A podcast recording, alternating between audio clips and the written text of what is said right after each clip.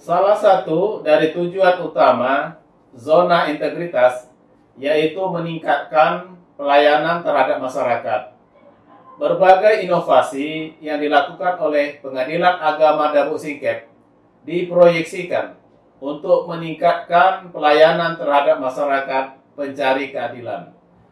PTSP mempunyai peranan utama dalam pelayanan terhadap masyarakat, sehingga berbagai inovasi harus tumbuh dan berkembang demi untuk meningkatkan kualitasnya sebagai garda ke depan pelayanan publik di Pengadilan Agama Dabu Siket.